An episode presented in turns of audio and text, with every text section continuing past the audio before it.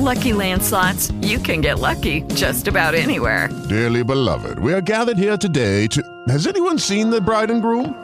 Sorry, sorry, we're here. We were getting lucky in the limo and we lost track of time. No, Lucky Land Casino, with cash prizes that add up quicker than a guest registry. In that case, I pronounce you lucky. Play for free at LuckyLandSlots.com. Daily bonuses are waiting. No purchase necessary. Void were prohibited by law. 18 plus. Terms and conditions apply. See website for details. To jest Ekspres Biedrzyckiej. Podcast Super Ekspresu. Mocne pytania i gorące dyskusje z najważniejszymi osobami świata politycznego. Dzień dobry, tu Kamila Biedrzycka. Witam Państwa ze studia Super Ekspresu. Zapraszamy na Ekspres Biedrzyckiej. Podcast Super Ekspresu. Krzysztof Kwiatkowski, senator niezależny, były szef NIK, były minister sprawiedliwości. Dzień dobry, panie senatorze.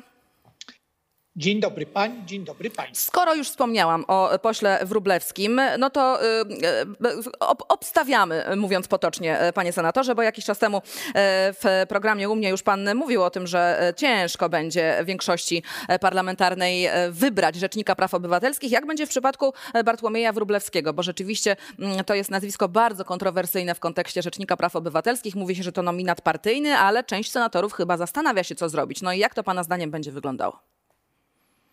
A czy w mojej ocenie ten wynik tego głosowania jest jasny, a jeżeli mówić o jakiejś analizie, to pewno akurat w tym wypadku ona może dotyczyć około dwóch, dwóch senatorów. Dlaczego tak uważam? Akurat w przypadku tej kandydatury, ta kandydatura nie ma szans uzyskania większości w Senacie, bo zdecydowana większość senatorów pamięta artykuł 208 Konstytucji, który mówi, że rzecznik stoi na straży wolności i praw człowieka i obywatela określonych w Konstytucji. Przypomnę, że pan poseł Wróblewski był nie tylko tym, który kierował i był jednym z kierujących wniosek do Trybunału Konstytucyjnego w sprawie najbardziej znanej, a dotyczącej spraw związanych z aborcją, ale i wcześniej był aktywny przy wielu zmianach w wymiarze sprawiedliwości, tych, których jednoznacznie nie tylko przez ekspertów w Polsce, ale przez unijne instytucje zostały ocenione oceniane jako niedopuszczalne, niezgodne z regulacjami obywatelskimi i uwaga,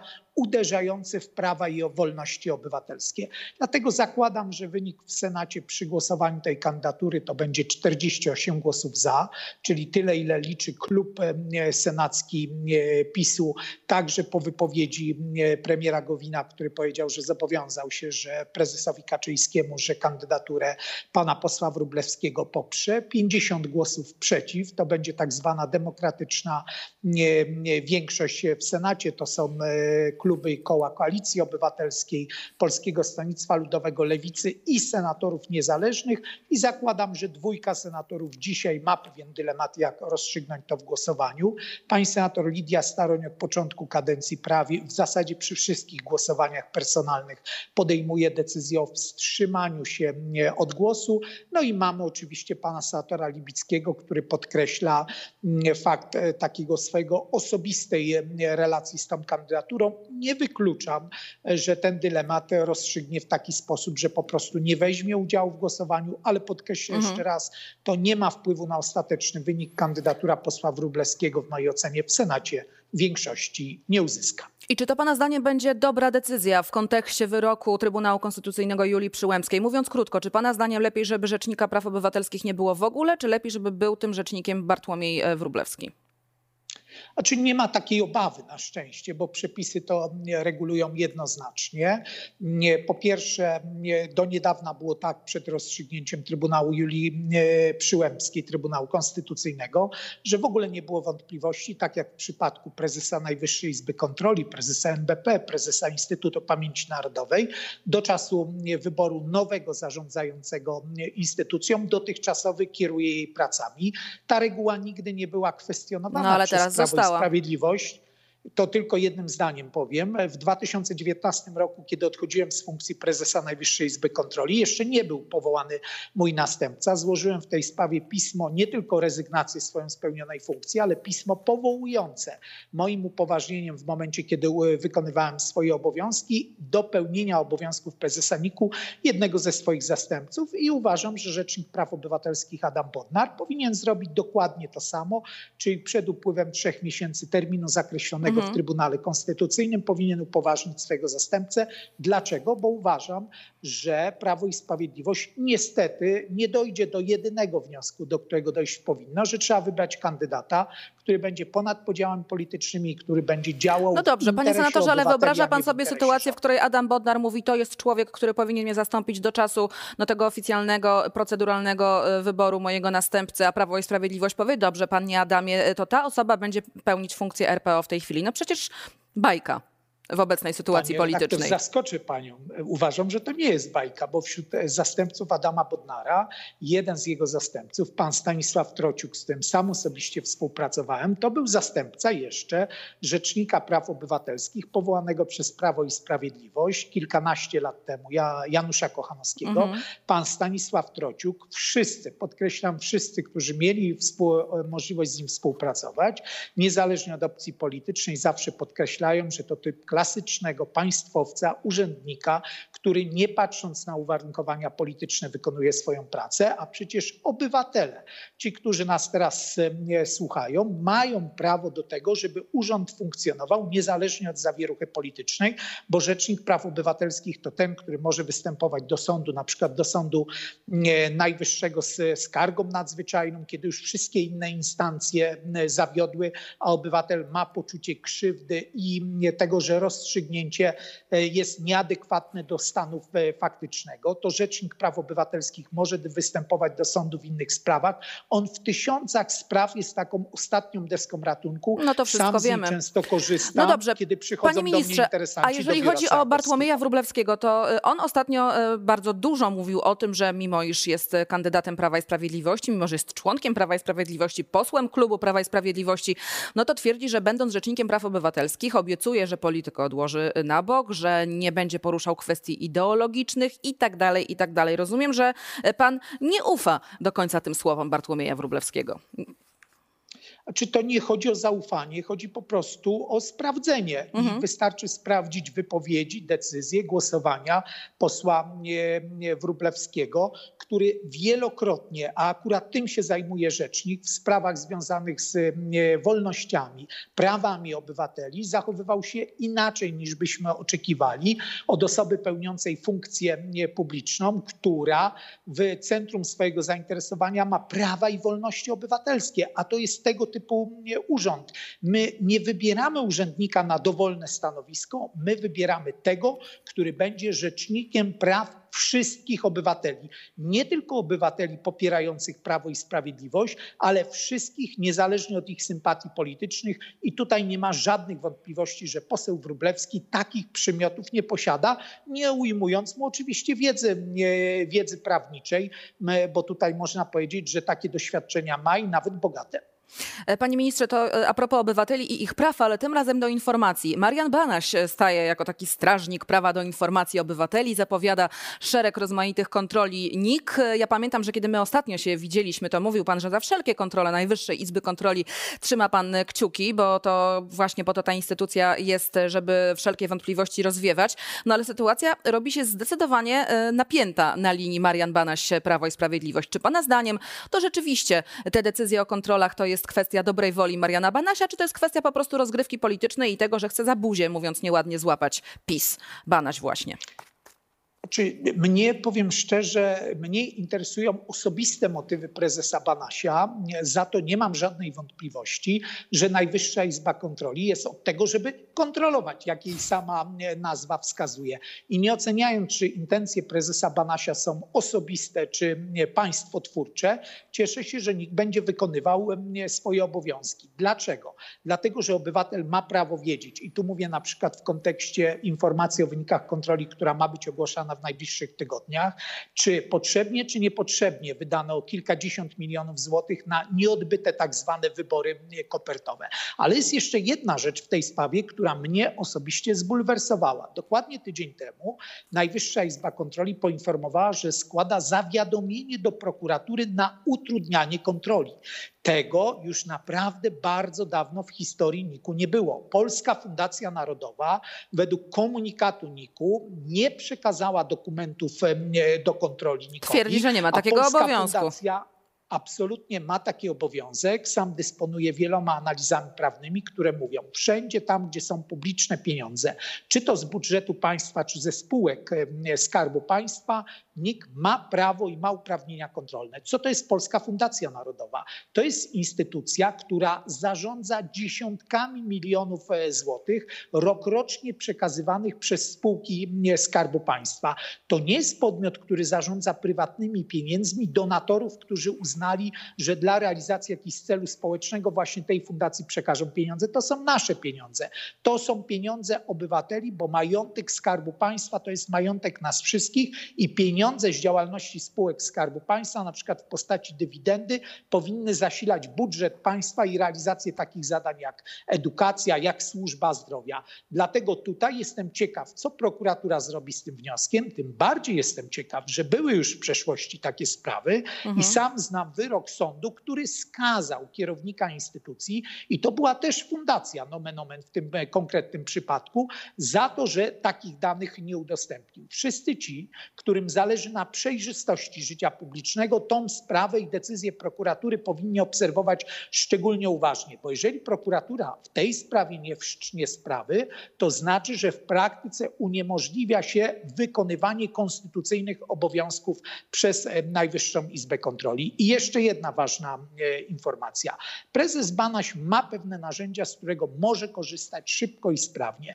To są tak zwane kontrole doraźne czyli nie kontrolę w planie, które musi zatwierdzić raz do roku kolegium NIK-u, ale tutaj prezes osobiście podejmuje decyzje. Sam z nich korzystałem. Podam jeden przykład. Kontrolą doraźną, którą w całości była przeprowadzona, kiedy byłem prezesem, ogłaszał ją już tylko prezes Marian Banaś, była kontrola dotycząca getbacku, która pokazała, że Urząd Komisji Nadzoru Finansowego, instytucja publiczna, nie wykonywała swoich obowiązków, nie ostrzegała wprost wcześniej obywateli, tam gdzie sprzedawano im toksyczne instrumenty finansowe. Pokazuje, że nawet naj największe, najbardziej skomplikowane kontrole mogą być prowadzone w tej sprawie i dzisiaj w oparciu o wnioski z tej e, kontroli obywatele mają szansę przed sądem, wszędzie tam, gdzie instytucje państwa nie zadziałały, dopominać się odszkodowania za niedopełnienie obowiązków. Panie senatorze, czyli podsumowując wątek Mariana Banasia, rozumiem, że bez względu na motywacje, którymi się kieruje, czy one są merytoryczne, czy polityczne, pan trzyma kciuki za niego i za to, żeby te kontrole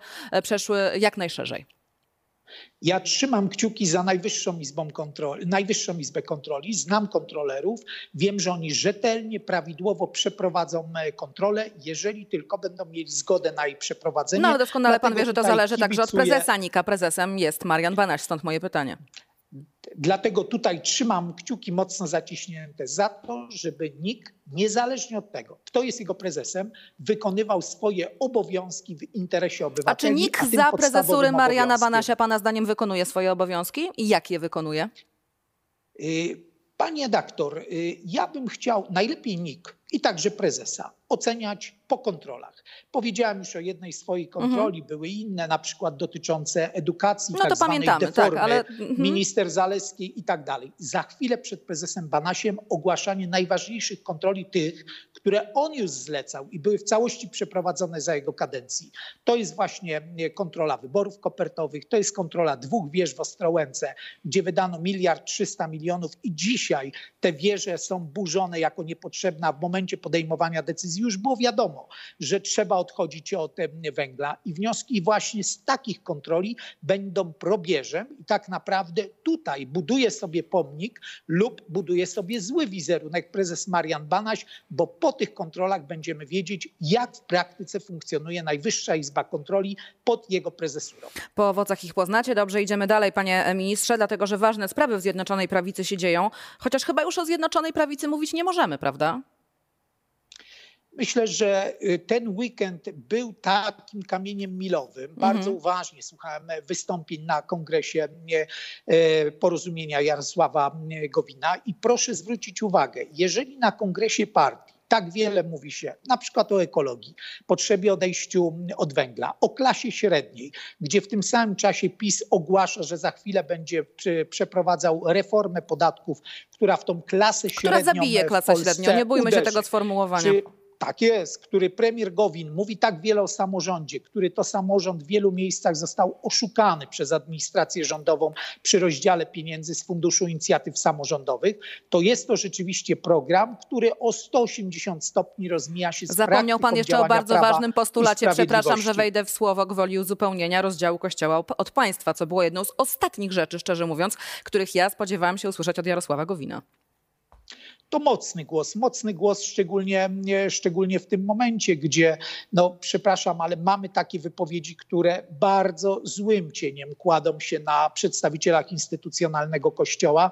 Dla mnie wypowiedź o szczepionkach w sytuacji, w której mamy już tysiące zgonów w Polsce i każdy wie, Dziesiątki że to jest walka. Tysięcy. Każdego dnia dziesiątki tysięcy, każdego dnia o to, że ze szczepionka to jest szansa na przeżycie i brak negatywnych w ogóle następstw choroby, łagodniejszy przebieg. Ten postulat jest dla mnie rzeczywiście był ważny, istotny i ważny, że on padł z ust No dobrze, ale skoro już pan o tym tak wspomniał, o, o, tym, o, tym, o to chciałam to zapytać. jednym wnioskiem. Mhm. Jak to odbieram? Tak. Odbieram to tak, że Jarosław Gowin i jego partia wysyła czytelny sygnał. Nas ze Zjednoczoną Prawicą nic już nie jednoczy. Mamy całkiem inną ofertę programową. Wiemy, że w kolejnych wyborach będziemy w innym obozie politycznym. No dobrze, czyli co, Jarosław Gowin to jest teraz taka panna na wydaniu politycznie? Polska potrzebuje umiarkowanego centrum, do którego e, odwołuje się Jarosław Gowin i na, e, po stronie opozycyjnej jest zawsze taka dyskusja, jak podchodzić do osoby, które przez wiele lat jednak współtworzyła i nadal współtworzy mhm. ten rząd. Ja w takich sytuacjach zawsze przypominam o dwóch rzeczach, które są istotne do oceny Jarosława Gowina jego środowiska politycznego. Przypominam, że to jego wyjazd do, do Brukseli odblokował rozmowy z Unią Europejską o nowej perspektywie budżetowej, o tych środkach, które do Polski mają nadejść i to on był tym, który powiedział, wybory w Polsce dokonują się w określonej procedurze. To nie jest procedura procedura wyborów e, kopertowych, z którym Poczta Polska, która ma czasami problem z dostarczeniem zwykłego listu czy przesyłki, mówiąc wprost, po prostu by tego zadania nie wykonała. I to, o tych dwóch rzeczach trzeba pamiętać, jeżeli dokonuje się oceny Jarosława Gowina, chociaż podkreślę jeszcze raz, oczywiście, żeby ten bilans był uczciwy, trzeba także pamiętać, że ostatnie lata to jest okres, w którym on współtworzył to środowisko polityczne, ale jaka będzie przyszłość, to on sam i jego współpracownicy na to pytanie są w stanie sobie odpowiedzieć. Panie ministrze, z, z, oczywistych względów to jest pytanie, które zadaję wszystkim swoim gościom w ostatnich dniach. Czy pana zdaniem dojdzie do tych wyborów przedterminowych, czy Jarosław Kaczyński, udzielając tego już niemal dwa tygodnie temu znamiennego wywiadu, kiedy po raz pierwszy ich nie wykluczył, po prostu straszył tylko koalicjantów? Moim zdaniem wybory parlamentarne będą w szybszym terminie niż rok 2023, mhm. ale nie zakładam, żeby to były najbliższe tygodnie. Mówimy raczej o perspektywie e, miesięcy. Przepraszam za takie określenie, ale siłą bezwładu ten rząd jeszcze trwa, chociaż jak widać, ten bezwład w przypadku na przykład i środowiska Jarosława Gowina, i środowiska Solidarnej Polski przeradza się już w chęć działania w zakresie budowania własnej podmiotowości. No dobrze. Co to A co z bezwładem? Oznacza? rozpad Zjednoczonej Prawicy już całkowity. A co bezwładem, z bezwładem e, opozycji, panie ministrze, szczególnie e, Koalicji Obywatelskiej, Platformy Obywatelskiej? Nie ma pan e, takiego wrażenia, że ona też siłą bezwładu tylko jeszcze funkcjonuje? Pani doktor, jestem senatorem. Już półtorej roku kadencji za nami. Przez te półtora roku tak zwana demokratyczna większość w Senacie nie przegrała ani jednego ważnego głosowania. Dzięki senatorom niezależnym, panie senatorze. Mm, nie, nie, e, nie, nie, podlizując się tutaj w żaden sposób, ale to nie jest zasługa e, Platformy Obywatelskiej, a o Platformę Obywatelską pana pytam. Ale to jest trochę pokazanie, w jakim kierunku powinna zmierzać opozycja. Ta opozycja powinna zmierzać do tego punktu, żeby szukać tego, co jednoczy, a nie co dzieli, jest bardzo wiele rzeczy wszystkim nam bliskim. Demokratyczne państwo prawa, standard działania dla obywateli i rzetelne wykonywanie swoich obowiązków, bo o tym chciałbym powiedzieć na końcu. Na ostatnim posiedzeniu Senatu w dwóch kluczowych punktach to była dyskusja o Krajowym Planie Odbudowy, jak wydawać pieniądze z Unii Europejskiej. Na sali poza marszałkiem z PiSu, wicemarszałkiem, nie było ani jednego senatora z Prawa i Sprawiedliwości. Za co oni biorą pieniądze? Przecież oni mają wykonywać swoje obowiązki na rzecz obywateli, a nie, że sala senacka, sala plenarna nie było ani jednego senatora PiSu w momencie dyskusji o tak kluczowym zagadnieniu. No i przy sprawozdaniu Rzecznika Praw Obywatelskich też nie było ani jednego senatora. To jest dla mnie taki sygnał, jak senatorowie Prawa i Sprawiedliwości wykonują swoje obowiązki, które powinni No widzi pan, wykonywać ja pana pytam o Platformę Obywatelską, a pan kończy na. Prawie i Sprawiedliwości. A ja pytałam o Platformę. Bo pokazuje, bo pokazuje pani redaktor, jaka jest różnica między opozycją, która przez te półtora roku ciężko pracuje i dobrze wykonuje swoje obowiązki, i prawem i sprawiedliwością, która jest zjednoczona w konsumowaniu efektów władzy, ale nie ma jej tam, gdzie powinna wykonywać swoje obowiązki. Panie ministrze, a nie ma pan wrażenia, że gdyby Platforma Obywatelska, nie ma pan e, takiego poczucia, że gdyby Platforma Obywatelska dobrze wykonywała swoje obowiązki, tak jak pan mówi, jako jeden z najważniejszych elementów e, opozycji, to w tych sondażach e, wyglądałoby to wszystko zupełnie inaczej niż wygląda w tej chwili. Platforma przestała być główną siłą opozycyjną w Polsce. Pani doktor, zgadzam się z tym, że Platforma musi dokonać pewnego przeorganizowania wewnętrznego, odpowiedzieć sobie na kilka, e, kilka pytań i zastanowić się, jak do tych wyborów pójść po to, żeby wspierać całą, e, całą opozycję. Ja nie mam żadnej wątpliwości, znam e, wiele osób w Platformie Obywatelskiej. To są osoby, które są w stanie wykonać taką analizę i wyciągnąć uczciwe wnioski, takie, które będą służyć temu, co najważniejsze, żeby w państwie polskim instytucje publiczne działały na rzecz obywateli, a nie działały na rzecz przedstawicieli władzy, którzy te instytucje obsiedli. I tu stawiamy kropkę, bo wiem, że obowiązki pana wzywają. Krzysztof Kwiatkowski, były minister sprawiedliwości, były prezes Najwyższej Izby Kontroli, senator niezależny. Bardzo dziękuję za to spotkanie. Dobrego, spokojnego Dziękuję dnia. bardzo, do usłyszenia. Do usłyszenia. To był Ekspres Biedrzyckiej, podcast Super Ekspresu. Zapraszam na kolejne spotkanie w Ekspresie Biedrzyckiej. Pozdrawiam bardzo serdecznie. Kamila Biedrzycka. Rozmowę znajdziesz także w Super Ekspresie, w internecie i gazecie. Lucky Land Casino asking people what's the weirdest place you've gotten lucky? Lucky? In line at the deli, I guess? Aha, in my dentist's office. More than once, actually. Do I have to say? Yes, you do. In the car before my kids' PTA meeting. Really? Yes. Excuse me, what's the weirdest place you've gotten lucky? I never win and tell. Well, there you have it. You can get lucky anywhere playing at LuckyLandSlots.com. Play for free right now. Are you feeling lucky? No purchase necessary. Void where prohibited by law. 18 plus. Terms and conditions apply. See website for details.